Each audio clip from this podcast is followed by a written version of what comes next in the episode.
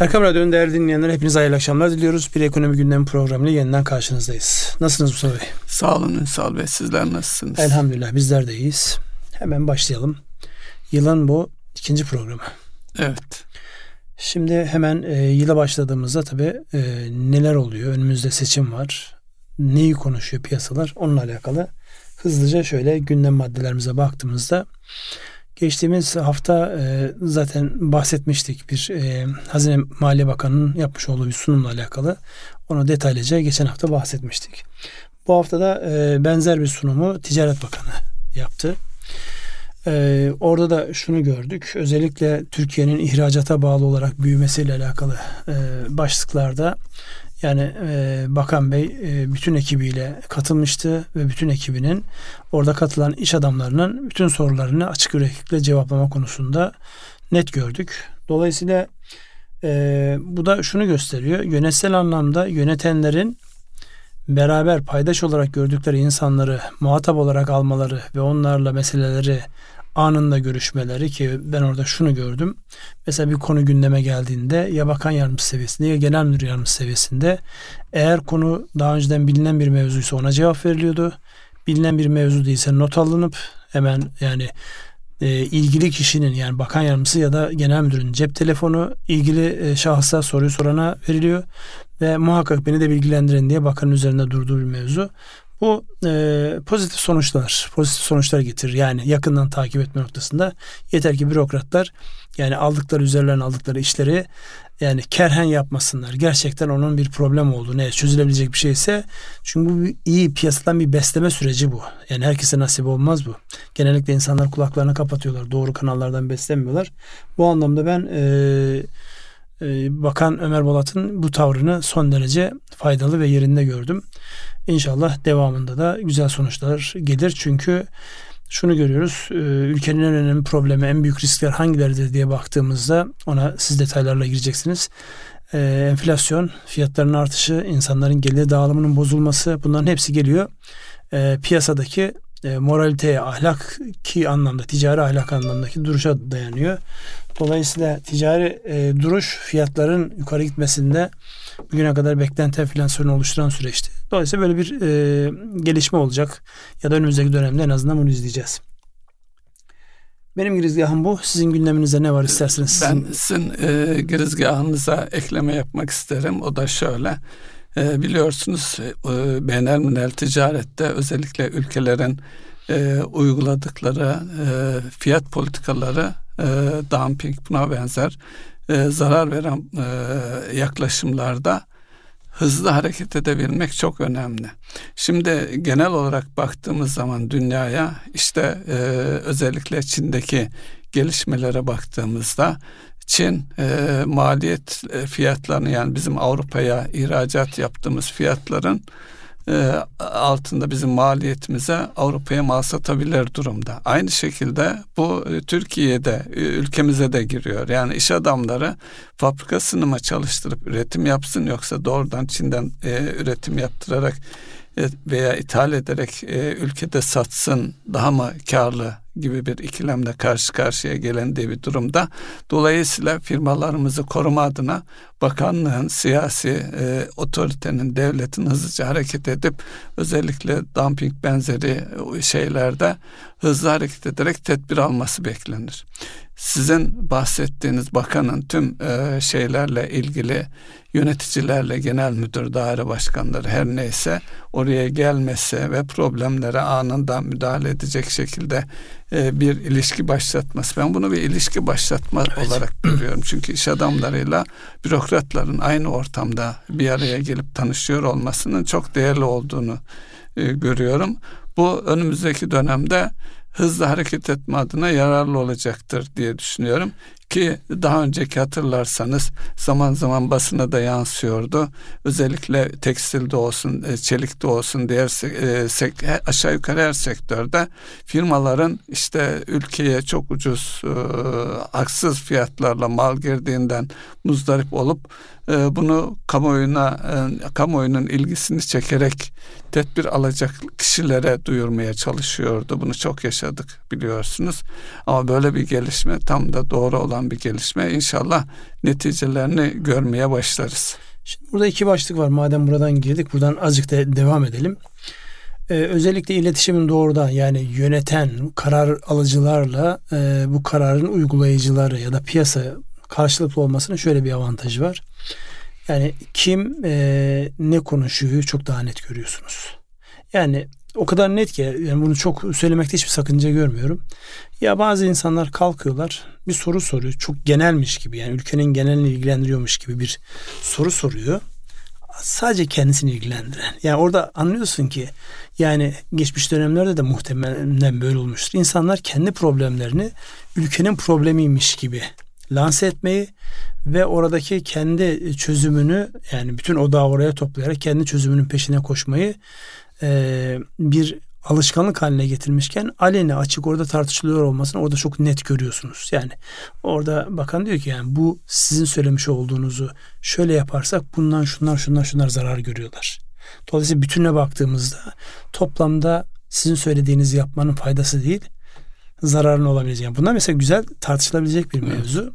Dolayısıyla orada açık yürekli insanların bunu tartışıyor olması ya da görüyor olması bazıları ısrar ediyorlar öyle olmadığını iddia etseler bir de e, benim en çok hoşuma giden şey böyle parmak sallayan buyurgan bir e, yapıdan anlamaya çalışan ve beraber olmanın gelecekte daha sağlıklı, iyi şeyler çıkarabilme noktasındaki o inancı görmek insanı mutlu ediyor. İki temel başlık buydu. Dolayısıyla yani Evet genelleştirilen özel problemler olabilir. Onların görülmesi, anlaşılması açısından da ama şu da bir gerçek. Tartışıldıkça bazı şeyler gözüyor. Özellikle mesela gümrüklerle alakalı çok e, gündem oldu. Yani gümrüklerdeki işlemlerin hızı, oradaki işte yapılan hadise mesela oradaki anlatımda şunu görüyorsun. Sizin gümrünüz ne kadar iyi olursa olsun karşı taraf eğer iyi değilse evet. siz yani, tıkanıp kalıyorsunuz yani hiç yapacak bir şeyiniz yok yani. Neticede kapıda İpsala mesela örneğinde evet. e, siz ne kadar hızlı hareket ederseniz eden e, Yunan tarafı yavaş hareket ediyorsa e, onun hızıyla bağımlısınız. Ama burada tabii e, e, bakanların, devletlerin problemleri çözmeyle özellikle komşularla ilişkide bu, bunu da yani sonuca göre hareket etmek daha değerli yani. Onların da karşılıklı ortakları kimse ikna etmeleri lazım. Yine aklıma bununla ilgili e, vurgulamak açısından e, bir şey geldi. Yine ticaret odasının bir toplantısında e, bir soru sorulmuştu bir milletvekiline. Milletvekili de şöyle cevap verdi. Problemleri bana taşıyın ben bunu aktarıyorum ama siz sadece bana aktarmakla yetinmeyin. Çünkü ben bunu bürokrata aktardığım zaman ilk kez sizden duyuyoruz gibi bir tepkiyle karşılaşıyorum. Bu da ibretlik bir şeydi. Yani özellikle e, meslek örgütlerinin, meslek derneklerinin e, bürokrasiyle olan ilişkilerinin de e, ne bileyim bir rehabilite edilmesi mi gerekiyor? E, bir benzer bir yaklaşımın onlar arasında da kurulması gerekiyor diyebilirim.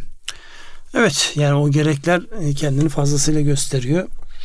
Yani e, şunu çok net görüyoruz. Yani sosyal medyadan ya da medyadan yansıtılan e, herkesin söylediği mutlak yani ülkenin faydasına değil ona biraz mesafeli bakmak gerektiğini söyleyelim ve bu mevzu isterseniz biraz geçelim. E, burada özellikle e, yeni yılla beraber şu gündeme gelmişti. Yabancılar ne zaman gelecek? Yabancılar nasıl gelecek sorusu. E, bununla alakalı rakamlardan isterseniz biraz bahsedelim. Geçtiğimiz hafta aslında yabancıların özellikle borsa ve devlet iç borçlanmada eksi yazdığı bir hafta oldu. Yani yeni yıla başlarken o haftayı niye eksiyle kapattılar sorusunun cevabını bilemiyoruz. Geçtiğimiz ay, aylarda her hafta bazında işte 100 milyon dolar, 200 milyon dolar giriş varken geçtiğimiz hafta yaklaşık hisse senetlerinden 300 milyon dolarlık devlet iç borçlanma senetlerinden de 45 milyon dolarlık bir çıkış oldu. İhtimaldir ki işte bu değerleme raporları, değerleme firmalarının raporları bekleniyor ya da yeni dönemde yeni pozisyonlar ya da uluslararası konjonktürün getirmiş olduğu siyasi e, çekişmeler insanların yönünü, yöntemini belirliyor. Sizin bu anlamda bir ilaveniz olur mu? Ne dersiniz burada? Ee, e, tabii reyting kuruluşlarının e, yaklaşımları da e, belirli olacak. Çünkü belli fonlar onların kendi iş mevzuatları gereği oradaki reytinglere göre fonlarını yönlendirebiliyorlar.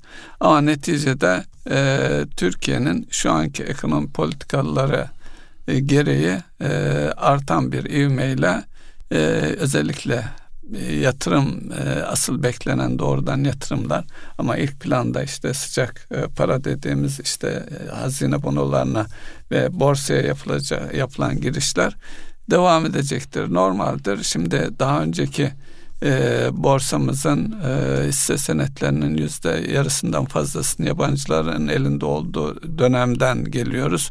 Dolayısıyla yine o büyüklüklere geldiğimiz e, dönemde bu tür rakamların girip çıkması çok fazla bir şeyi etkilemeyecektir. Ama önümüzdeki bir seçim dönemi var. Maalesef e, biz ülkemizde e, mahalle idare seçimi olmasına rağmen sanki genel seçimlermiş gibi köpürtmeyi e, muhalefet tarafta, iktidar tarafta e, seviyor diyelim. E, bunu dolayısıyla yabancılar da baktıkları zaman siyasi istikrar noktasında e, bekliyor olabilirler. Yani kesinlikle şeyi e, seçimden sonra özellikle mevcut e, ekonomi e, politikasının ve yapısının süreceğinden emin olmak isteyen e, gruplar bekleyecektir. Şöyle de bir gerçeklik var. Özellikle batılı e, finans kuruluşlarını ülkemizde kim besliyor diye soru sorduğumuz zaman genelde biraz e, yani muhalif olanlar, muhalif olanlar e, yazıp çizip onları besliyor. Doğal olarak da bu yönde etkilendikleri de bir gerçeklik. Evet. Şimdi e, geçen haftaki şeyden hareketle e, enflasyonu yorumladık. Enflasyon ilan edildi. Ama geldiğimiz e, e, bir hafta içerisindeki yaklaşımlar itibariyle sanki e, enflasyona bağlı olarak asgari ücretteki artışları da dikkate alınırsa sanki e, fiyatlı bunun yeniden fiyatlandığı fiyatlara yansıdığı gibi bir sonuçla yani özellikle asgari ücretin daha e, hele hele çalışıp sonunda işçi kesimi e, ay sonunda e, sanki ifadenizi alıyor. çok nazik buldum. Sanki değil doğrudan yansıdı yani. Fiyatlara bakın yani her yerde marketinden çarşısına pazarına taksisinden otobüsüne her tarafa hatta e, evdeki yardımcı e, hanımefendilere kadar yansıdı bu yani. Evet, her tarafa yansıdı. Her tarafa yani. yansıdı. İstisnasız yani yüzde elli artık fix bir rakam olarak geldi. Sanki o maliyetlere insanlar hemen katlanmış gibi yani tamam çalışanlar açısından problemi yok çünkü netice itibariyle bir karşılığı var orada. Ama henüz daha o maliyetlere katlanmamış işletmelerin direkt faturalara o kadarlık rakamları hatta biraz da abartarak yansıtması az önce konuşmuş olduğumuz işte ülkenin genel anlamdaki bu e, ahlaki diyeceğim. Ticari ahlak diyeceğiz. Ahlaki başka, değil, başka, başka bir bunu? kelime yok yani. Orada katlanmadığımız maliyetleri ileride ben sermayemi kaybetmeyeyim diye bugünden fiyatlara yüklediğinizde işte bu katlamalı olarak her tarafa yansıyacaktır. Dolayısıyla o e, gerçekten iliklerimize kadar hissettiğimiz bir başlık olarak önümüzde duruyor. Yani bununla alakalı neler söylenebilir? Ee, çok şey söylenebilir. Zaten bugün ana temamız da risk yönetimi konusu olacak. Malumunuz öyle kararlaştırmıştık. Oraya bir türlü gelemedik ama olsun. Geçtiğimiz hafta e, özellikle işsizlik e, 8.4'lerden tekrar 9'a doğru çıkıyor olması yani e, yeni istihdam alanlarıyla alakalı bir oluşuyor. E, alanlar oluşuyor. Dolayısıyla genç işsizlikteki e, artış devam etmekle beraber. İşsizlikten önce fiyatlamayı biraz daha konuşalım mı?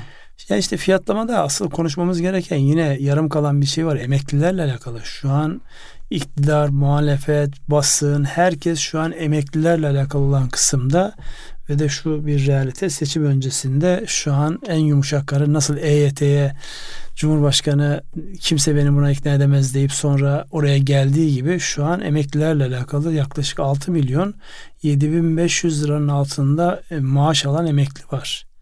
Şimdi bunların hepsi oy verebilecek yaşta. Sadece kendileri değil çevreleri var. Yani bütün evet. seçimin kaderini değiştirebilecek bir e, sayısal e, büyüklükten bahsediyoruz. 6 milyon kişi. Dolayısıyla e, buradan baktığımızda Yani e, Hazine Maliye Bakanı'nın işte rasyonel politikalar deyip uygularım dediği şey burada çok rasyonel olmuyor. Yani insanlar geçim sıkıntısı çekerken aldıkları maaşlarla hiçbir ihtiyaçlarını karşılayamadıkları bir ortamda bir de bunun e, seçime bağlanıyor olması ister istemez orada hani e, bir dönemde bir siyasimiz diyor diye ne verirlerse bir beş fazlası, fazlası, beş fazlası, on fazlası da benden diye. Dolayısıyla artık böyle bir noktaya doğru geliyoruz. Yani onunla konuşmamız gerekiyor. Genel fiyatlara yansıyacak olan şeylerle alakalı. Buyurun. Fiyatlamalarla ilgili şöyle de bir yaklaşım var. Şimdi e, özellikle ihracat tarafında bir azalma var. Dolayısıyla fiyat rekabeti noktasında sıkışıyoruz. Kurlarda artık kurların pozitif e, etkisi de e, kalmadı gibi bir seviyedeyiz. Ee, özellikle firmalar açısından eğer ülkedeki iç piyasaya olan satışlarını fiyatlayabiliyorlarsa orada paçal oluşturabiliyorlar diye bir yaklaşım var. Yani e, yurt dışına fiyat oluşturamıyor ama o ihracatı oradaki yurt, yani diğer bir ifadeyle yurt dışına satış yaparken paza, para kazanmayayım önemli değil. Ben pazarı e, karımı yurt içindeki satışımı fiyatlayarak e, sürdürebilirim gibi bir yaklaşımda e, gündeme geliyor. Buna kadar gerçekçi hangi sektörleri, hangi grup firmaları etkilen, etkiliyordur şaşırtıcı ama fiyatlama teorisi, pratiği, yaklaşım açısından da daha önce e, herkesin uyguladığı biz de danışmanlık yapıyor olsak e, gündeme alacağımız bir konu. Şimdi ne burada, dersiniz bu konuyla ilgili? Burada şimdi yani söylemiş olduğunuz şey yani rasyonel katlanılan maliyetlerin ötesinde biraz fırsatçılık var. E, fırsatları değerlendirenler var. Bunlara yani kendisi uymayıp da ama piyasadan dolayı rakiplerden dolayı kendilerini kötü hissedip e, katkı sağlayanlar var. Öbür taraftan da tabii zaman zaman işte rekabet kurulunun önüne giden birlikte hareket ederek fiyatları yukarı çekme istekleri var. Yani mesela gündeme gelen önemli hususlardan bir tanesi işte bu e, inşaatlarda işte beton fiyatları, beton fiyatlarına işte onlar çimentocular, çimentocular başkalarına enerjiye herkes falan. enerji herkes birbirini suçlayarak fiyatın niye orada orada olduğu ile alakalı hususlar gündeme geldi. Hatta yani ben o rakamı bilmiyordum ama bir tane söyledi. Yani 4500 Malatya'da bir ara e, betonun hazır beton 4500 liraya çıkmışken şu an 1800 liraya geliyor bu şeylerle beraber. Müdahalelerle, ilgilerle beraber. Hatta Ticaret Bakanı'nın söylemiş olduğu bir şeyi çok önemsedim ben. Bir tane bakan yardımcısının tek uğraş alanı bu fiyatlardaki haksızlığı yani piyasanın içerisindeki onu gözlemleyecek mekanizmaların kurgulanması, orada e, bazı şeylerin yapılması ve e, tabii insanları hani adil olmaya davet etmekten başka şeyiniz yok. Çünkü sürekli delik tıkayarak yapamıyorsunuz. Orada belki e, hani şikayet mekanizmalarıyla e, süreç işletilse bile onun sonuçlanması zaman alıyor ve insanlar o maliyetlere katlanıyorlar. Dolayısıyla bu fiyatlar konusunda insanların biraz hani vicdani anlamda da e, işte uzun yıllardır böyle vicdan mevzu cüzdanla şey ilişkilendirilip bir şekilde devre dışı bırakılınca e, oranın sıkıntısını yaşıyoruz. Neyse oraya çok fazla girmek istemiyorum açıkçası ama yani o söylemiş olduğunuz şey fazlasıyla dikkat edilmesi gereken bizim katlandığımız maliyetlerin önemli bir kısmında bu bakış açısının değişmesine ihtiyaç olduğunu da beraber görüyoruz. Şimdi buradan e, sizin aktaracağınız istatistik herhangi bir şey yoksa zamanımızı efektif kullanmak açısından ben yurt içi riskler noktasında e, geçmişte e, hala hazırda da pek çok konuda belli projelerde çalıştığımız, karşılıklı fikir alışverişinde bulunduğumuz bir akademisyen arkadaşımızın bir çalışması var e, ismini e, zikredelim. Davut Pehlivan, Profesör Doktor Davut Pehlivan'ın yapmış olduğu çalışma. Her sene yapıyor bunu. Zaman zaman bizim de üyesi olduğumuz iş adamları derneklerinde üyelere duyurarak bu anketlere daha geniş insanların katılmasını sağlayacak bir risk analizi var. Ben yurt içi tarafını söyleyeyim, siz yurt dışı tarafını söyleyin. Evet, siz e, risk e, raporunun, risk yönetiminin önemini de bahsederek giriş yaparsanız. Önce risklerden bir bahsedeyim, sonra e, şeyden bahsedeyim. Yani risk yönetiminin ne kadar önemli olduğundan Peki. bahsedeyim. Şimdi burada e, 2024 yılıyla alakalı Davut Hoca yapmış olduğu çalışmada 10 tane riski şöyle sıralamış. Bir tanesi beyin göçü ve nitelikli insan bulma meselesi. Şu an yani sizin de çevrenizde, benim de çevremde, bütün görüştüğümüz iş e, adamlarının hepsinin söylemiş olduğu şey şu. Nitelikli elemanı tutamıyorum. Tuttuklarım e, yani tutmaya çalıştıklarım ağır maliyetleri gidiyor. yanımdaki inanılmaz rakamlarla bunu yukarı çekiyor. Bir tanesi bir kere en önemli mevzu bu. Yani 2024 yılında e, Davut Hoca'nın yapmış olduğu çalışmada da bizim de yaşamış olduğumuz en temel şeylerden bir tanesi üzerine oyun kuracağınız nitelikli insanları kaybetme riski ya da bulamama riski. Yeni bir işe gireceksiniz. Fikir çok parlak ama onu kimin üzerine kurgulayacağınızla alakalı şey yok. Bu sadece nitelik derken yani böyle okumuş, yazmış, deneyimli insanlardan ziyade vasıfsız insanlar bulmakta da zorluk çekiyor insanlar. Çünkü orada da genel anlamda insanlar iş beğenmiyorlar ya da başka şeyler var. İkincisi bölgesel çatışmalar ve komşularla olan problemlerin artma ihtimalini insanlar ön plana çıkarmışlar. Baktığımızda şöyle yakın coğrafyamızda işte bir tarafı düzeltiyoruz öbür taraf patlıyor ya da öbür tarafta farklı gelişmeler oluyor. Dolayısıyla insanlar bunu görmüşler. Bir diğer piyasa riski aslında bizim konuşmamız gereken temel şeylerden bir tanesi o. Piyasaları kaybediyoruz.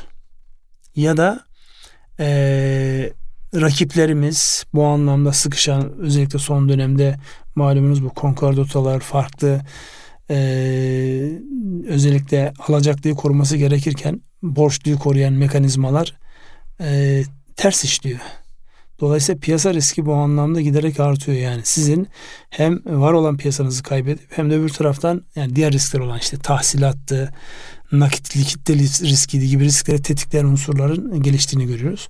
Dördüncü başlık doğal afet riski. İşte e, İstanbul başta olmak üzere Türkiye'nin fay hattında bulunması, işte tabiatın ısınmasından dolayı ani yağan yağmurlar, seller, birden basan işte e, kar fırtınaları, yani Türkiye'de bile artık hortum böyle sıradan vakaya eden konu haline geldi. Özellikle sahil kesimlerinde birçok seralar meralar allak bullak oluyor. Beşinci olarak da döviz kur riskini insanlar e, olacağını söylüyorlar. E, diğerlerini de sayayım ondan sonra eşitsizlik e, derinleşecek diye bir şey var. Yani gelir dağılımı bozuluyor. Enflasyonu yapmış olduğu en büyük adaletsizlik de bu. Az düşük gelirlerle yüksek gelirler arasındaki enflasyon şey fark derinleşiyor. E, yoksulluk riskiyle alakalı yani insanların özellikle bu farklılaşan eşitsizliğin e, alt kesimin eskiden orta direk diye tabir ettiğimiz kısmın alta doğru kaymasıyla alakalı bir risk var. Önümüzdeki dönemde özellikle e, kuraklıkla beraber e, su kaynakları ile alakalı riskler gündeme gelecek deniyor. E, işsizlik riski 9. sırada son olarak da e, medya yankı odaları ya da sahte haberler riski diye bir başlık belirlemiş. Hocanın yapmış olduğu çalışmada ankete katılanlar. Şimdi buradan baktığımızda her biri ayrı ayrı kendi başına değerlendirilmesi gereken bir konu. Her birinin üzerinde derin düşünülmesi gereken bir konu. İsterseniz siz e, buradan yani şu ana kadar konuştuklarımızın üzerinden şöyle bir değinin. Ama e, özetlemek gerekirse üç tanesi ekonomik, dört tanesi toplumsal, iki tanesi çevresel, bir tanesi de jeopolitik risk olarak e, tanımlanabilir, toparlanabilir. Yani buradan baktığımızda aslında üç tane temel risk üzerinde e, temerküz ediyor ya da dört tane temerküz ediyor. E, şeyle ilgili de e, globalde baktığımızda da e, birinci sıradaki ilk iki yıllık e, riskler açısından bakıldığında yanlış bilgi ve dezenformasyon riski ön planda. E, ikinci sırada e, tabiat, hava olayları, iklim e, e, zikredilmiş. Üçüncü sırada sosyal kutuplaşma. Dördüncü sırada e, siber e, güvenlik riskleri ve e, beşinci sırada da e, çatışmalar, e, yerel çatışmalar, eyaletler arası çatışmalar şeklinde. On yıllık risklere e, sorulduğunda da yine bu sefer birinci sırada e, şey e, iklimle ilgili riskler. İkinci sırada e, işte dünyanın sistemlerindeki değişimle ilgili e, riskler şeklinde devam ediyor. Yani buradaki ilk iki yıla baktığımız zaman özellikle e, burada değinilmesi gereken bir konu var. Son 5-6 ayda daha da ön plana çıkan yapay zeka. Yapay zekanın e, hem müsbet hem de menfi yönde kullanılıyor olması çok büyük bir risk. Ee, geçen hafta e, MİT Müsteşarlığı'nın 97. kuruluş seneyi devriyesi e, kutlanırken e, başkanın e, sözlerinden bir tanesi de buydu. Yapay zekanın olumsuz, kötü amaçlı kullanılmasının çok büyük bir risk doğurdu. Ki e, yani biraz daha açmakta yarar var. Artık e, sistemler insan ötesi seviyeye taşınmış durumda. Sizin e, orduların e, sistemleri, işte savaş sistemleri, e, işte nükleer silahların e, ateşlenme sistemleri hepsi e, şeylerle elektronik e, sistemlerle donatılmış durumda. Buralara yapılacak bir saldırının veya işte bir savaş sonucunda kimin hangi stratejiyle kazanacağına ilişkin e, sorular sorduğunuz zaman yapay zeka altyapısıyla size bir yol haritası çıkartabilir. Dolayısıyla hatta şu endişe de taşıyor. Şimdi bir tarafta borsada algoritmik emirlerden konuşuyoruz. Yani siz daha önce bir takım varsayımlarla emirler oluşturuyorsunuz. Şayet onlar gerçekleşirse zincir halinde peş peşe e, talimat olarak yerine getiriliyor. Aynı e, logar algoritmaların savunma sistemlerinde de oluşturulduğunu düşünün.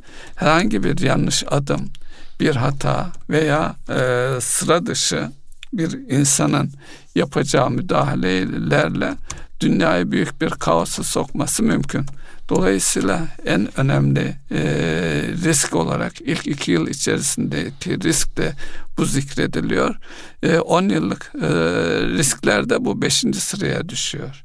Buradan da şunu anlıyoruz. Dünyanın öndem, en önemli gündeminde bu riskin e, tanımlanması gerekirse e, ki gerekiyor da yasal olarak bir takım altyapılarla hangi konularda yapay zekanın kullanılacağı, hangi konularda kullanılamayacağına ilişkin bir ahlaki ve hukuki değerlerin oluşturulması çok önem arz ediyor.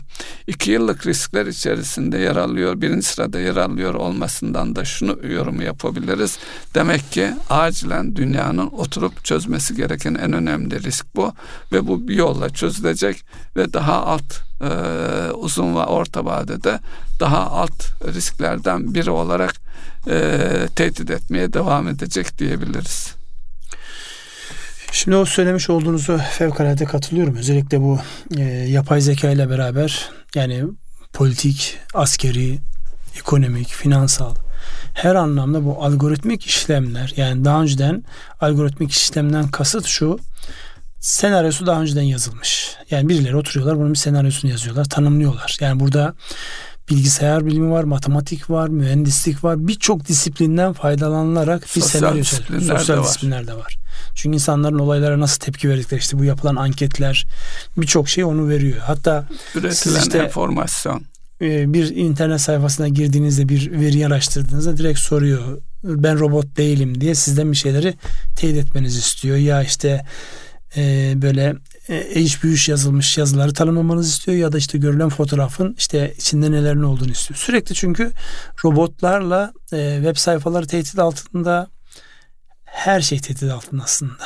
Şimdi az önce söylediniz dediniz ki işte yasal kurallar ve etik kurallar. Şimdi teknoloji o kadar hızlı gelişiyor ki koymuş olduğunuz kurallar ve o kuralların geçerlik olduğu alanlar çok farklılaşıyor. Yani dünyanın öbür bir tarafından bir tanesi hiç tanımadığınız, sizin hiçbir alakası olmayan, hiçbir şekilde yolunuzun çakışmayacak olan birisi sizin web sayfanızı ya da kurmuş olduğunuz bir e-ticaret sitesini çökertebilir. Sesinizi, görüntünüzü taklit ediyor her şeyi yapabilir. Dolayısıyla böyle bir ortamda yani bunun önümüzdeki dönemde en fazla konuşulacak tehditlerden bir tanesi olması son derece normal.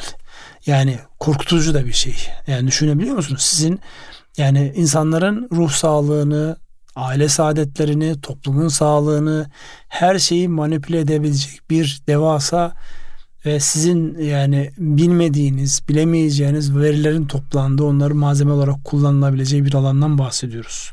Bu gerçekten yani orada e, başkanın yapmış olduğu uyarı fevkalade yerinde bir uyarı. Ama çözümü ne sorusunun e, çok böyle kolay olmadığını rahatlıkla söyleyebiliriz. İşte bunun yansıması nerede görüyoruz? Biz her gün borsada görüyoruz. Bir senaryo yazılmış. Yani o kadar tehlikeli ki bir tane aracı kurum üzerinden ya da aynı anda birçok aracı kurum üzerinden, banka üzerinden bir yatırım grubu piyasada perişan edebilir o kadar hızlı hareket ediliyor ki yani en temel şey burada hız. algoritmik işlemlerin temelinde siz daha ne olduğunu anlayana kadar o senaryoyu tamamlamış oluyor. Ve siz o senaryonun ortasında bir yerde eğer piyasa düşüyorsa e, anladığınızda panik bir vaziyette elinizdeki değerleri kaptırıyorsunuz. Sonra bir bakıyorsun aynı hızla yukarıya doğru dönüyor. Siz yani e, o malı ya da hisseyi ya da neyse artık MTI'yi niye kaptırdığınızı bile anlayamıyorsunuz. Sonra ne yapıyorsunuz? O psikolojiyle eyvah elimden gitti deyip yukarıda yüzde beş yüzde on gidip yukarıdan maliyetleniyorsunuz ve bütün dengenizi, senaryonuzu bozacak şekilde karşınızda işleyen bir mekanizma var. Dolayısıyla bunların hepsini düşündüğümüzde bu tabii ki borsadaki görmüş olduğumuz taraf. Bir de bunun ee, savaş tarafı, evet. sosyal hareketlendirme tarafları, o propagandalar yani o kurulmuş devasa think tank kuruluşlarının üretmiş olduğu sosyolojik hassasiyetlere dokunma isteği. Önümüzdeki dönemin yani bütün dünya çapındaki en önemli hususlardan bir tanesi bu. Mesela bu hastalıklar, salgın hastalıklar teknoloji bağlantılı olarak biliyorsunuz bunlar yaygınlaştırılıyor. Evet yoğun bir şekilde konuşulan şey nedir? İşte bu şu hayvanlar üzerinde, taşıyıcı hayvanlar üzerinden insanların geneline yayılmaya çalışılan şeylerden bahsediyor. Bir kısmı komple teorisi ama sonra da bakıyorsunuz hiç sesini duymadığınız sivrisinekler peyda oldu. Eskiden sivrisineğin bir şanı vardı. Gelirken ben geliyorum diye Sesini bir ses çıkarırdı. Şimdi ses de çıkarmıyorlar. Gelip ısırıp mor attıktan sonra fark ediyorsunuz orada bir sivrisineğin olduğunu. Onun için yani dünya bugüne kadar hiç görmediği farklı şeylerle karşı karşıya. Öbür taraftan da yani e, savaş münasebetiyle ortaya çıktı ya da arttırıldı söyleniyor. Şu medyaya yansıyan şu yani e, pedofili başta olmak üzere ki o iğrençlikleri de art tavan yapmış vaziyette. Oraya ne dersiniz bilmiyorum. Biraz konuyu başka bir tarafa doğru kaydırdık ama. Evet e, şimdi e, Gazze'ye değinecek olursak ki e, en büyük e, bizi yaralayan, üzen e, konu o. Şimdi o ortaya dökülenleri görünce tüm dünyada baktığımız zaman özellikle Batı ülkelerinin İsrail e, ekseninde İsra, İsrail'e göre hizalandıklarını görüyoruz. İşte o pod, pedofili hadisesinde dökülen şeylerden gördüğümüzde e, adamlar her yolla insanları tehdit edecek bir takım şeylere, zaafları kullanmışlar işte e, videolar var teslim edildi edilmedi açıklanacak açıklanmayacak onlar da bilinmiyor. Bir de enteresan bir şekilde intihar e, asıl suçlunun intihar etmiş olması da e, şeyin davanın ilerlemesindeki en büyük engel o yani e, suçlu öldüğüne göre artık kimse soru da soramıyor davayı derinleştirecek adım da atamıyor. Şimdi orada pedofili kadar başka bir şey daha var. Özellikle bu 9 yaş altındaki çocukların kaçırılıp korkutulduklarında evet. onların vücutlarından elde edilen belli e, hormonların, sıvıların yani tıbbi şeyini çok fazla bilmiyorum. Onların e, insanların gençleşmek için, genç kalmak için kullanıldı falan. Yani şimdi insanlık nereye doğru gidiyor ister istemez böyle evet. bir sorguluyorsun yani. Ve bu hadise bugünün meselesi değil geçmişten gelen bu sapkınlık yani birilerinin diri kalma, genç kalma, işte sağlıklı olmadığına bir başkalarına bedel ödetme, depremlerde kaçırılan çocuklar, organ mafyaları, savaşlarda kaçırılanlar. Dünya aslında bir şeyle yüzleşecek de bu kadar ağır mı olmalı? Yani bu hani yeni çıkmadı. Bu var olan bir şey. Ve e, özellikle bizim e, muhafazakar kesimde görmüş olduğum bir şey var. İşte Gazze ettikleri zulüm bak kendi rezillikler ortaya çıktı. Biz bununla avunamayız. Biz yani, çalışmak zorundayız. Evet. Biz fazlasıyla çalışarak yani e, Allah tabii ki onun hükmü her zaman e, ama gayretimize ihtiyaç var burada. Bizim gayret göstermemiz gerekiyor. Allah'ın kudreti her şeye yeter. Kimin rezil edeceğini, kimin rüsva edeceğini. Ama bizim bu insanların ya da bu dünyanın bu gidişatına müdahale olabilmemiz için böyle sessiz sedasız bak gördün mü işte Allah belalarını verdi rezil kepaze oldular diyemiyorsun. Desen ne çare? Aynı rezalet devam ediyor sonuna kadar. Onların kepaze olduğu falan da yok yani. Evet yani birbirine ee, sırtını kaşıdı. Biz kepaze olduklarını düşünüyoruz. Evet. Bizim değerlerimize ters olduğu için. Dolayısıyla burada yani bunun ekonomik boyutunu düşünsenize yani düşünün insanlar kaçırılıyor. Onlarla her türlü işkenceler yapılıyor. Oradan bir işte hormondu işte neyse artık onlar elde ediliyor. Onunla bir insanlar kendilerini yaşlı genç göstermek için uğraşıyorlar. Korkunç şeyler bunlar. Evet. Yani ekonomik anlamda da baktığınızda, ahlaki anlamda da, insanlık anlamında da baktığınızda korkunç şeyler bunlar. Ve e, insanların bir kısmı bunları böyle hayretler içerisinde bakıyor. Bu çok büyük bir e, senaryo, çok büyük bir oyun bu. Bu oyunu bozacak e, ancak yani hani erdemli insanların oturup e, çalışmasıyla, gayret göstermesiyle, daha bilinçli hareket etmesiyle ancak mümkün. Yoksa onların e, değirmenine su taşımaktan başka hiçbir şey yaramıyor.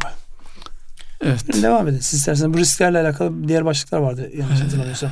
Risklerle alakalı başlıklardan e, beyin göçüyle ilgili önemli bir başlık var. Hem yurt içinde hem yurt dışında geçerli olan bir risk Evet. olarak e, tasnif edilmiş.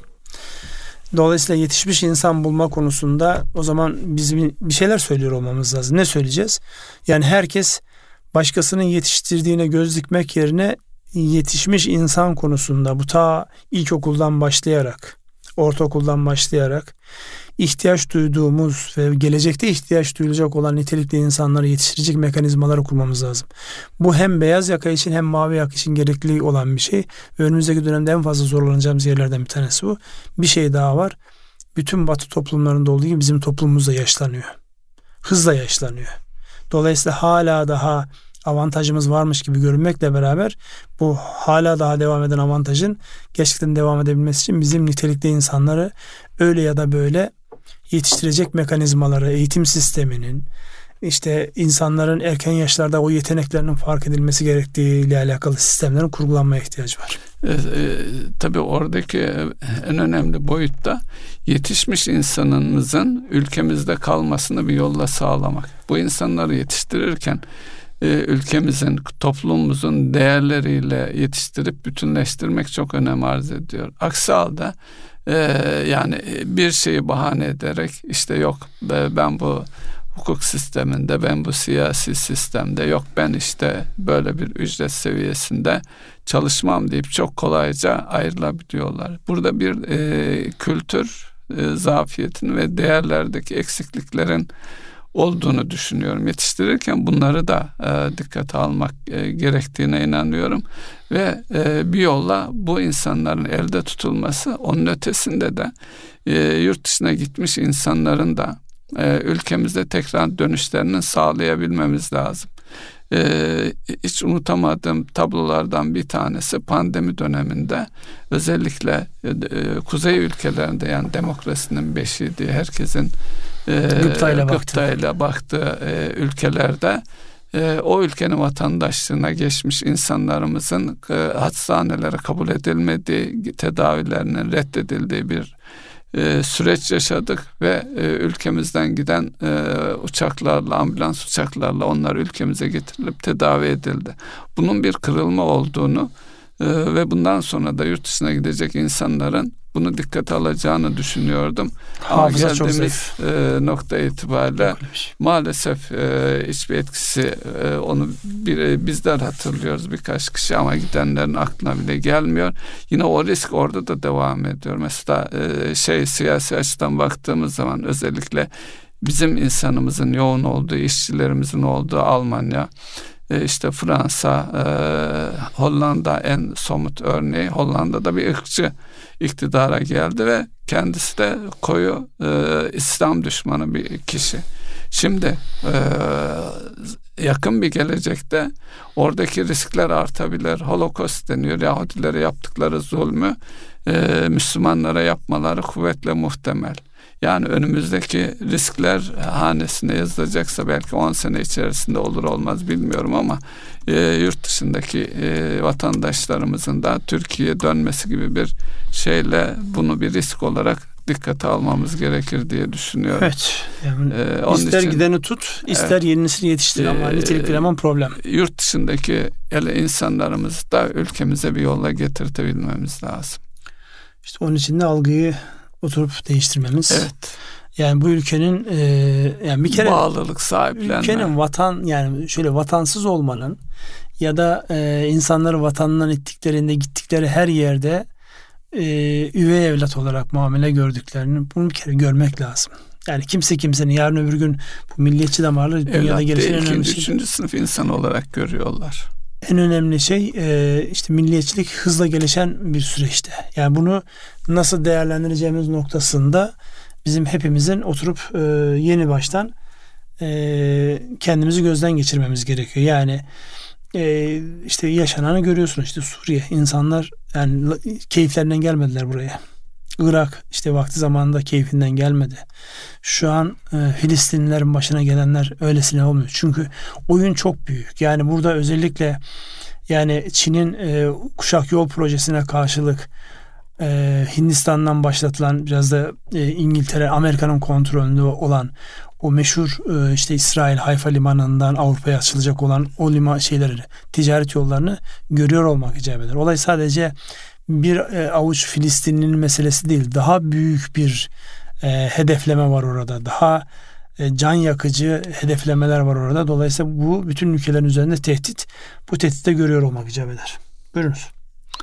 Evet, e, diğer konularımıza e, geçecek olursak e, yine Gazze olayından hareketle Kızıldeniz'deki gelişmeler neticesinde bir gemiye de el konulmuş durumda oradaki Husiler sanıyorum.